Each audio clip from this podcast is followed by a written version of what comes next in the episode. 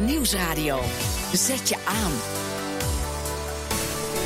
BNR Werkverkenners. De wet werk en zekerheid doet niet wat hij beoogt. René de Monchy. Ruim een jaar na de invoering van de wet concluderen juristen dat vast nog vaster is geworden. En werknemers nemen daarom steeds vaker hun toevlucht tot flexwerkers. En vandaag bespreken we wat de toekomst is van die flexwerker. Valt deze nu tussen wal en schip? Of zijn we over een jaar of tien allemaal flex en is het probleem opgelost? Maar eerst gaan we, zoals altijd, naar onze werkverkenners. Dat zijn de elf mensen die een panel vormen voor dit programma en een dwarsdoorsnede zijn van de arbeidsmarkt. En vandaag hebben ze de vraag gesteld: wat merken zij van de wet werk en zekerheid? Werkverkenners Update. Egmond Borgdorf, directeur HR-beleid en arbeidsmarkt, merkt bij Achmea eigenlijk vrij weinig van de wet werk en zekerheid als het gaat om vaste en flexibele contracten. We hebben niet de neiging om, uh, zoals je in sommige sectoren ziet, mensen uh, na een aantal keren ingehuurd te hebben, uh, een bepaalde periode, om dan vervolgens geen vast contract aan te bieden. Dus bij ons niets, niets in veranderd. Maar op het gebied van ontslagen ziet Egmond wel dat een en ander veranderd is. Zie je dat regels vanuit de WWZ gewoon stringenter geworden zijn. En ja, dat is soms maar goed ook. Je moet je dossier goed op orde hebben. Um, maar dat, dat, maakt het niet altijd uh, even makkelijk, uh, zullen we maar zeggen. Maar of de WWZ doet wat deze beoogt, namelijk vast minder vast en flex minder flex maken? Ik uh, durf de stelling aan dat het kabinet daar niet in, in geslaagd is.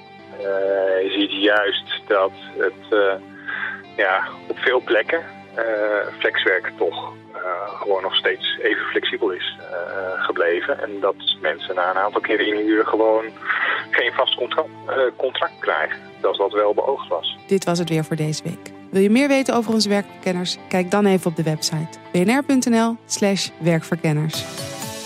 Ja, deze bijdrage was van de maker van het programma Laura Walburg. En ik ga erover verder praten met Fabian Dekker. Hij is arbeidssocioloog aan de Erasmus Universiteit. Jurien Koops, u kent hem wellicht, directeur van de Algemene Bond van Uitzendondernemingen. En Peter Struik, voorzitter van de Brabant-Zeeuwse Werkgeversvereniging. En ook directeur van Fujifilm Europa. Um, vorige week trokken de werkgevers, waaronder dus ook de ABU, uh, aan de bel. Over het feit dat duizenden flexwerkers langs de, zijn, zijlijn kunnen komen te staan. Uh, Juriaan, wat gaat er mis? Nou ja, wat wij zien op de arbeidsmarkt is dat uh, wat beoogd werd, namelijk om vast minder vast te maken en flex wat minder flex, uh, dat dat eigenlijk niet lukt. En dat als we niet oppassen, de wal het schip gaat keren. En we staan aan de vooravond van verkiezingen, we staan aan de vooravond van een nieuw kabinet. De arbeidsmarkt moet echt op één uh, als het gaat om een nieuw kabinet. En met name dan, hoe maken we die arbeidsmarkt een stuk evenwichtiger? Maar de vraag is toch eigenlijk uh, of dit een maatschappelijk probleem is of een probleem van de bedrijven. Want je kan ook zeggen van nou, uh, iedereen heeft zijn posities vervuld. Waar maken we ons druk om? Ja, omdat uiteindelijk wat je niet wil is dat er grote groepen rondgepompt worden op de arbeidsmarkt. Je wil uiteindelijk dat mensen een stapje verder komen op de arbeidsmarkt. Qua opleiding een treedje hoger. En dat lukt nu in onvoldoende mate. De doorstroom van flex naar vast neemt ook af. Zelfs in een periode waarin het economisch wat beter gaat. Uh, vergeet niet, we evalueren de, flex, de, de wet flex en zekerheid nu. In een periode dat het economisch nog goed gaat. Laat staan in een periode. Kortom, het is een probleem dat moeten Absoluut. we aanpakken. Oké. Okay. Uh, Peter, jullie hebben uh, in Brabant en Zeeland een, een plan gelanceerd, niet zo lang geleden. heel kort, hoe ziet dat plan eruit? Nou, heel kort wil het, wil het zeggen dat, dat we willen de werkgevers wendbaar maken en de werknemer weerbaar. Wat wij gezegd hebben, haal nou al die schotten tussen potjes vandaan. Doe de WW, de ONO-gelden, ontwikkelingsgelden en de transitievergoeding één potje. En laat werkgever en werknemer samen sparen. Zodat je een persoonlijk budget hebt. Zodat je kan ontwikkelen. En dat je dus vooraf kan inregelen wat je wil gaan doen. En dat je dus veel minder risico's hebt. Zowel voor werkgever als werknemer. Helemaal duidelijk. Fabian, dit is een plan. Uh, de ABU komt zelf met een plan. Er zijn meerdere plannen. Nou, um, ja. uh, begint het een beetje vorm te krijgen, die plannen? Nou, ik, ben wel, ik, ik, ben wel wat sceptisch. Want ik, we hadden in een vorige gesprekje. Ik ben het wel eens met de heren. Want we moeten eigenlijk toe, wat mij betreft, naar een soort van persoonlijke leerrekeningen. Dus dat je een rugzak hebt en waar werkgever en, of opdrachtgever. Maar nu dit probleem leeft al lang. Lukt nou, ik, ik heb hier vijf en een half jaar geleden gestaan met Paul van Liemt. Ik had net mijn proefschrift geschreven. Die stelde exact dezelfde vraag. Het was exact hetzelfde thema als waar we het nu over hebben. Dus je kunt je ook nu af gaan vragen van... moeten we niet buiten de instituten om? Hè? Moeten we niet buiten de, de Stichting van de Arbeid... en buiten de Sociaal-Economische Raad... en moeten we niet zoals je nu ziet bij ZZP'ers, via coöperaties misschien de vernieuwing gaan creëren. Ik weet maar deze dus... plannen die je nu hoort en de andere die er ook nieuw. zijn nee, en in het verleden? Nee, dit, is, uh, dit zijn plannen die uh, dateren van 2011, 2012. Ik doe het iets korter de bocht, want er zijn wat nieuwe elementen bijgekomen. Maar ook toen ging het over een soort van zoektocht naar balans tussen flex en uh, zeker, daar gaat het eigenlijk om. Dus een oude discussie? Oude discussie, eh, je zou kunnen zeggen, ja, het is uh, oude wijn, nieuwe zakken, zeg je dan. Hè? Dus het doodzonde, want er zit weinig schot in de zak. Jurien van de APO, reageer je eens op? Nou ja, kijk, als het oude wijn nieuwe zak is, dan wordt het hoog tijd dat je iets aan gaat doen. En er zit absoluut wel nieuwe wijn bij. Een van de dingen die wij roepen is, creëer dezelfde zekerheden, ongeacht de werksoort voor arbeidsongeschiktheid, pensioen en opleidingen. Dat is nu niet het geval. Maak de ZZP'er daarmee onderdeel van ons stelsel. Geef hem een volwaardige eigen positie Even aan Fabian vragen. Zijn dit de details die we nodig hebben? Ja, nou ja, goed. De, de, de hangvraag, zeg maar, als je het hebt over flex, en dan tel ik ook even alle ZZP's om, dat heeft te maken dat je toe eigenlijk moet naar een nieuw sociaal stelsel. Het heeft met, met de pensioendiscussie te maken, woningmarktdiscussie en de arbeidsmarkt. En het probleem met flex is, wat mij betreft, het is eigenlijk geen groot probleem, maar inkomensonzekerheid. Dus die transities die je voortdurend maakt, het niet kunnen opbouwen van sociale rechten. Dus je moet toe naar een systeem dat ja, ik denk dat de heren het erover eens zijn. Een soort van contractneutrale inrichting. ik, ik, wil toch even kijken naar al die plannen die er zijn. Ook die van Peter Struik van de Brabant Zeeuwse Werkgeversverenigingen. Zie je daar wel elementen waarvan je denkt, nou dat zou dan nog wel iets kunnen bereiken? Ja, nee, maar het, het zijn, dat is een beetje mijn punt. Het zijn voor wat mij betreft drie kwart dezelfde elementen als vijf, zes jaar geleden. Deze discussie is eh, nogmaals is niet nieuw. Het gaat nogmaals over het vinden van de juiste balans tussen verschillende groepen. Die groepen staan wat verder uit elkaar. Er wordt bijvoorbeeld minder geschoold in flexwerkers en ZZP'ers hebben daar het geld of de tijd niet voor. Um, kortom, je moet jezelf als het ware wendbaar maken op die arbeidsmarkt. En die instituten, nogmaals was vijf jaar geleden ook, die zijn helemaal gericht op het vaste contract van 36 of 40 uur. Dan hebben we dus met die, uh, die nieuwe wet, werk en zekerheid, een kans gemist ten aanzien van die flexibele... Eh, je, hebt, je vraagt nu aan de onderzoeken. Ik vind het te vroeg, maar dat is onderzoekstechnisch om na een jaar te evalueren. Daar zit natuurlijk de conjunctuur in, dus je kunt niet alles van elkaar scheiden. Maar als je kijkt, en Jurin was daarbij vorige week, naar het rapport van een stel arbeidsjuristen, collega's uit Rotterdam, dan zie je ook gewoon dat die wet niet werkt, omdat er geschikt moet worden. Ja. Oké, jij wil het eerst onderzoeken. Ik vraag het aan Jurin en aan Peter. Ik begin bij Peter. Ja, gemiste kans, duidelijk. Ja, Daar hadden we, want wat maakt die wet dat het erger is geworden en niet beter is geworden? Nou ja, feitelijk de problemen die we hebben, dat flex te flex is en vast te vast is, die hebben we alleen maar verder benadrukt. Terwijl je dat zou moeten ontschotten en dat meer bij elkaar, en dat ben ik met jullie helemaal eens, je moet het veel dichter bij elkaar brengen. We hebben de discussie over de ZZP'ers laten lopen. Die hadden we mee moeten nemen in deze discussie. Want dat is namelijk een van de hardst groeiende groepen van mensen die flexibel mee heeft uh, gedaan aan dit plan. We hebben aan dit plan meegedaan. En dit plan geeft ook een duidelijke eigen positie voor, uh, voor de ZZP'er. En dat is echt nodig. En dat is eigenlijk niet gebeurd in de afgelopen periode. Maar eh, hebben, heeft de ABU, hebben de leden van de ABU hier een kans laten liggen? Ja, niet zozeer in dat wetgevingstraject. Kijk, uiteindelijk is WWZ niet meer geweest dan repareren van het verleden. Maar het is niet bouw klaarmaken voor de toekomst. En dat moet wel gebeuren. Ja, dus we hadden kunnen voorzien dat dit misging. Ja, kijk, we hebben eigenlijk onvoldoende doordrongen geweest van het feit dat arbeidsmarkt en het sociale stelsel echt fundamenteel uit elkaar groeien. En vijf jaar geleden zijn we bezig geweest met managen van de crisis en die met managen van de arbeidsmarkt. Ja, Fabian? Ja, als nou wetenschapper? Uh, nou, om, om, theoretische reden kon je alleen al eigenlijk uh, op je vingers uitrekenen, of uittellen, dat dit niet de meest ideale wet is. Want de WWZ repareert aan de achterkant van het traject. Gaat niet in waarom werkgevers flexibiliseren. Dat heeft onder andere met de deregulering van het sociale systeem te maken. Dat is de loondoorbetalingsdiscussie, onder andere. Als je niet aan die knoppen wil draaien en je gaat dan wel achterin met transitievergoeding en, uh, et cetera. Probeer je Aha, we hadden een integralere aanpak moeten hebben. Nou, of ieder een aanpak die zich richt op de oorzaken waarom Nederland. Nederland is flex we zijn, eh, als je naar het voetballen kijkt, Europees kampioen eh, flexwerken. We doen niet mee aan dat slechte voetbaltoernooi. Maar we zijn het meest flexibele uh, land in Europa. En dat heeft wat mij betreft onder andere te maken met het sociale systeem. Waar lasten te hoog, eigenlijk te hoge mate bij de werkgevers zijn komen te liggen. En wat doe je met de WWZ? Niets aan die oorzaken, maar je gaat achterin dat traject zit te draaien. Als ik jullie zo hoor, uh, ik wou daar pas later op komen, maar ik vraag het toch maar even. Heeft de politiek helemaal niet begrepen wat er in totaal moet gebeuren? Ze hebben maar één ding aangepakt. Nou ja, je kunt je afvragen of dit niet deels symboolpolitiek is geweest. En dat uh, idee heb ik wel als je sec kijkt naar de WWZ. Ik weet waarom die ingevoerd is, maar of dit de juiste manier is, vraagtekens. Ja, ja nou, nou, de wet is meer politiek gedreven dan dat die echt gedreven is door kennis van de arbeidsmarkt. En dat moet je denk ik eerlijk zeggen. Nou, die zit. Peter, Peter staat te lachen maar. Ja, nee, het, het, het, ik lach maar. Het is eigenlijk heel triest. Ik bedoel, werkgevers, hè, werkgevers krijgen altijd het idee van... Die, hè, die willen maar iedereen kaal plukken en zo goedkoop mogelijk. Nee, werkgevers willen gewoon goed werk geven. Maar die hebben ook goed opgeleide mensen nodig. En dus moet je mensen ook de kans geven om ze op te leiden. Dat geldt zowel voor ZZP'ers, voor, voor flex als voor vaste krachten. Ja, we gaan zo naar die oplossing. Um, maar jullie zijn het, als ik jullie zo hoor, allemaal wel over eens. Dit is een maatschappelijk probleem dat hoog op de agenda moet en snel moet worden aangepakt. Niet alleen omdat de arbeidsmarkt uh, opgelost moet worden, het verschil tussen de banen die er zijn en de mensen die er zijn, maar ook als maatschappelijk probleem. Nou, Snap ik dat niet, Ja, niet alleen als maatschappelijk probleem, maar je moet ook één ding goed beseffen. Een sterke economie, wat wij graag willen zijn in Europa en de wereld, vraagt om een hele sterke arbeidsmarkt die snel en goed schakelt, waarin iedereen mee kan doen, waarin geen tweedeling is, waar mensen goed opgeleid zijn. Dat alleen maakt dat wij tot een next level kunnen komen. Misschien moet je af van flexibiliteit en gewoon meteen vaste contracten. Daar gaan we het zo dadelijk over hebben, na de reclame. Want hoezo bedrijven willen flexibilisering in tijdelijke contracten? Er zijn gewoon bedrijven die vanaf dag 1 meteen een vast contract geven. Zo dadelijk hoort u wat zij beter doen dan de rest. BNR Nieuwsradio. Zet je aan. BNR Werkverkenners. Iedereen van tijdelijk naar tijdelijk contract. Nou, nee hoor, vergeet het maar. Niet bij Rijkswaan. Bij dat bedrijf krijgt iedereen meteen een vaste baan. Een verslaggever Harmer van der Veen, die ging er langs.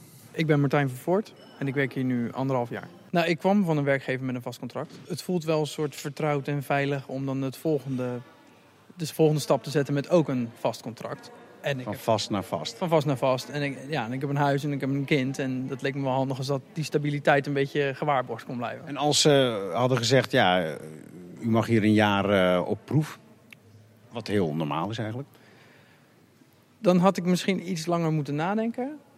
Maar ik was wel toe aan een, aan een volgende stap. Dus het is niet per se doorslaggevend geweest, maar het is wel in het pakket met alles wat erbij hoort. Dus en de functie, wat ga je doen, waar is het? Want het is veel dichterbij dan mijn vorige werkgever en daarbij een vast contract, telt dat zeker mee. Ja. Hoe reageert uw omgeving als u dat vertelt? Dat u meteen vanaf dag 1 een contract voor onbepaalde tijd krijgt? Als uh, luxe en wauw en uh, waarom bij ons niet?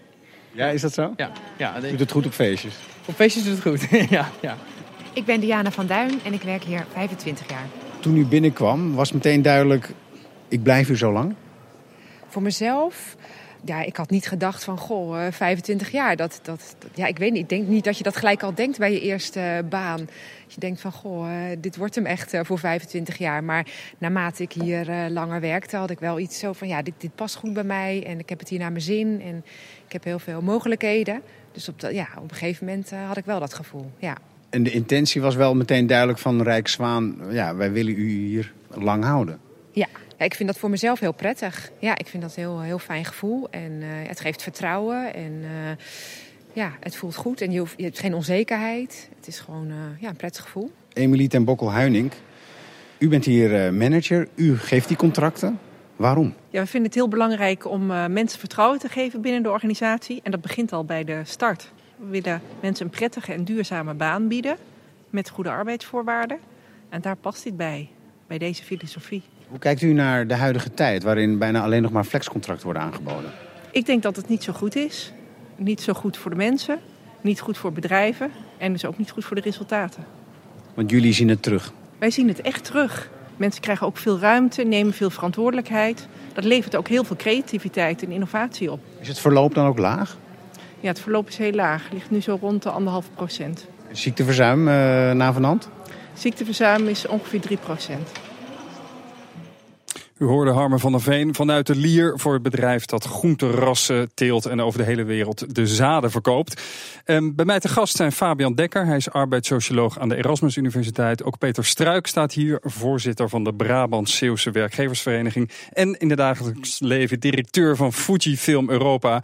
En ook Jurien Koops, directeur van de ABU. Um, ja, jullie horen het, een werkgever die zegt, nou, een vast contract, dat kan al vrij snel bij ons. Um, wie wil reageren op de vraag: zouden alle werkgevers dit voorbeeld moeten volgen?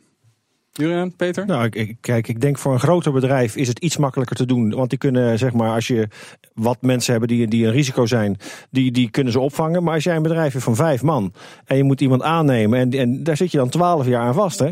En daar kan een klein bedrijfje gewoon niet, niet financieren. Dus wat Fabian dat zei, die risico's worden heel erg bij de werkgever gelegd. En ik denk dat je daar in ieder geval iets aan moet doen aan de voorkant. En je moet, ik, ik vind die discussie tussen een bedrijf moet, moet, moet, hè, ik noem het liever wendbaar dan flexibel zijn. Want het is niet alleen een aantal mensen, maar ook in kwaliteit van mensen moet je kunnen schakelen tegenwoordig. wij zijn van fotofilmpjes naar digitale dingen gegaan. Heb je ander soort mensen voor nodig. Maar vraag je daarmee niet iets aan de arbeidsmarkt dat eigenlijk onmogelijk is? Dat de werknemers willen vastigheid, willen een eh, hypotheek, die willen alle andere voorzieningen die je alleen kan krijgen van het bedrijfsleven als je een vaste baan hebt. Terwijl bedrijven zeggen, doe ons maar zo flexibel mogelijk. Nee, want als je, als je dus à la de, het PIT of het ABU-voorstel zou zeggen... je geeft een persoonlijk budget mee... Dan, dan hebben die mensen kunnen voor zichzelf zorgen. Die hebben dan zo'n potje. Hè? Als ze ons plan zouden doen... dan zouden mensen bij de, bij, de, bij de VND nu een sociaal plan hebben. Jurien. Nou ja, kijk, twee derde van de mensen werkt nog steeds op een vast contract. Dus het is nog steeds de norm. Laten we dat niet vergeten. Uh, maar het vaste contract is ook relatief. Uh, kijk naar de voorbeelden bij VND, waar mensen, veel mensen op een vast contract zaten. Dat blijkt dan op een gegeven moment toch niet zo heel veel meer waard te zijn. En wat vooral, denk ik, niet vergeten wordt. Men hecht veel waarde aan dat contract, omdat er veel zekerheden aan dat contract hangen.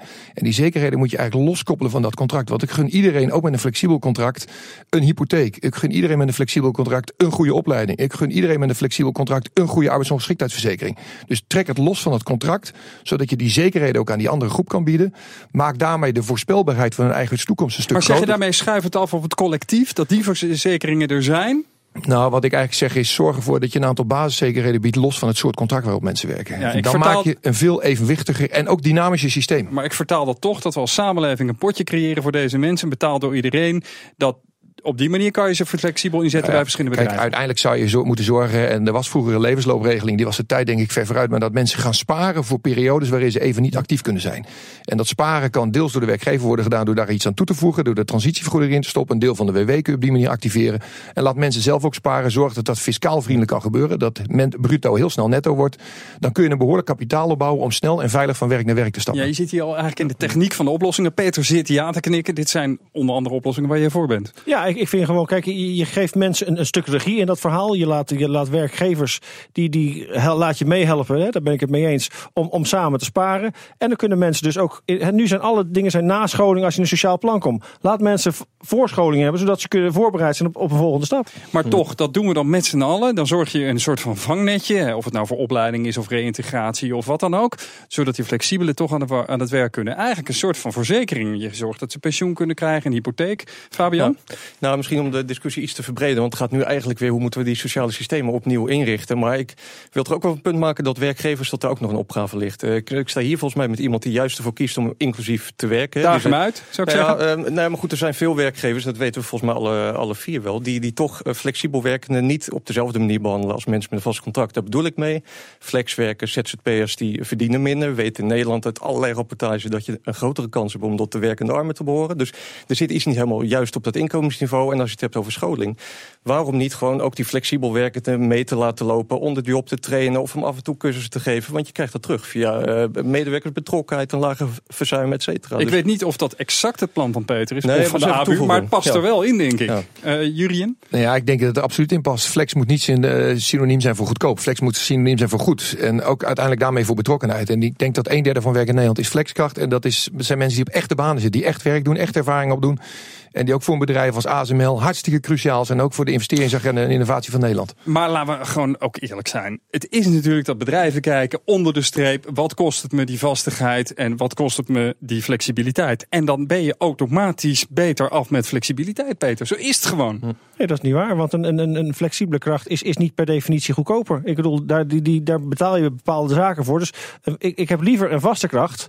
Alleen de risico's van een vaste kracht zijn dusdanig hoger. Dat ik zeg van nou, ik heb een bepaalde flexibele schil nodig. Maar als ik dat via een soort hè, noem het maar gewoon het contract, wat hetzelfde is voor vast en flex, dan heb ik dat probleem niet. Dan heb ik, als ik moet, moet schakelen, zowel in kwaliteit als kwantiteit, dan kan ik iemand met een gerust hart zeggen van nou ja, ik heb nu geen werk voor je, maar over een jaar misschien wel, of over een jaar heb je bij een ander werk. Als we niks doen, gaan er bedrijven omvallen, Peter?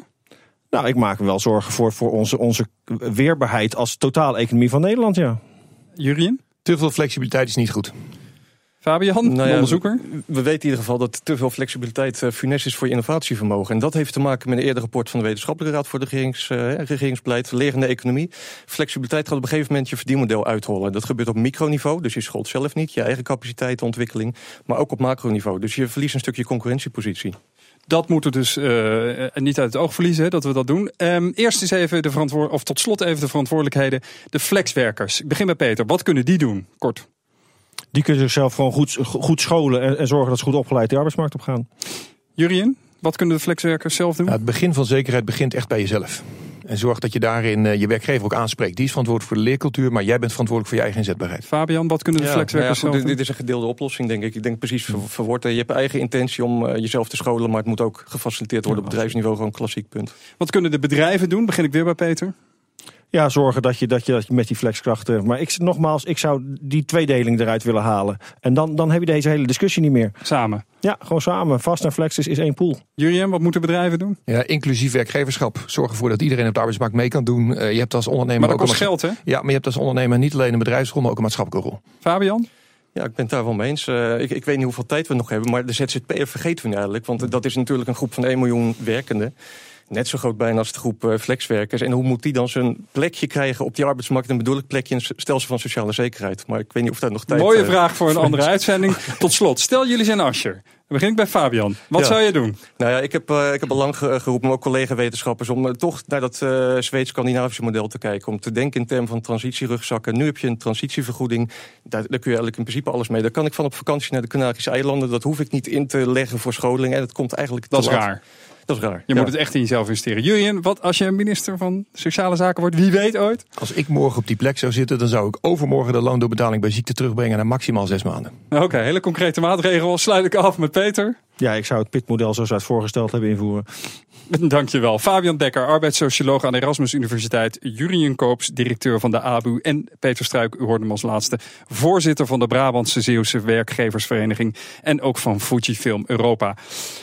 En tot slot, deze uitzending krijgt u natuurlijk BNR's wekelijkse arbeidstips. Vandaag, hoe blaas ik stoom af zonder dat mijn collega's daar last van hebben? Werktips.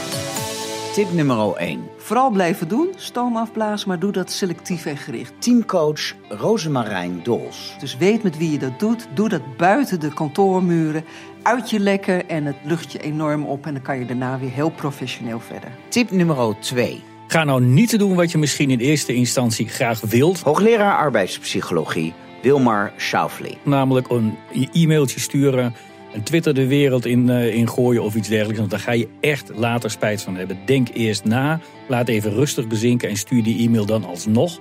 En gebruik ook niet al te sterke woorden. Tip nummer 3. Zorg voor een infrastructuur, een leven vol beweging, dans, zang. Leiderschapstrainer Manfred van Doorn. Heerlijke seks, veel yoga en dan kom je al ontspannen op de werkvloer. En mocht het daar oplopen, dan heb je inmiddels al een, een gewenning aan ontlading. En van mijn part ga je push-ups maken of ga je een tai chi kata doen of uh, de internationale zingen. Zorg dat je het gewoon vindt om stoom af te blazen, dat het niet zo hoog op hoeft te bouwen. Ja, de tips werden verzameld en verwerkt door verslaggever Jigor Krant. Ze zijn uiteraard ook terug te vinden op onze website. En tot zover deze uitzending van Werkverkenners. Wilt u in de uitzending, althans wilt u nog eens terugluisteren moet ik zeggen, dan kan dat op bnr.nl en dan schuine streep werknemers. Bedankt voor het luisteren en werk ze!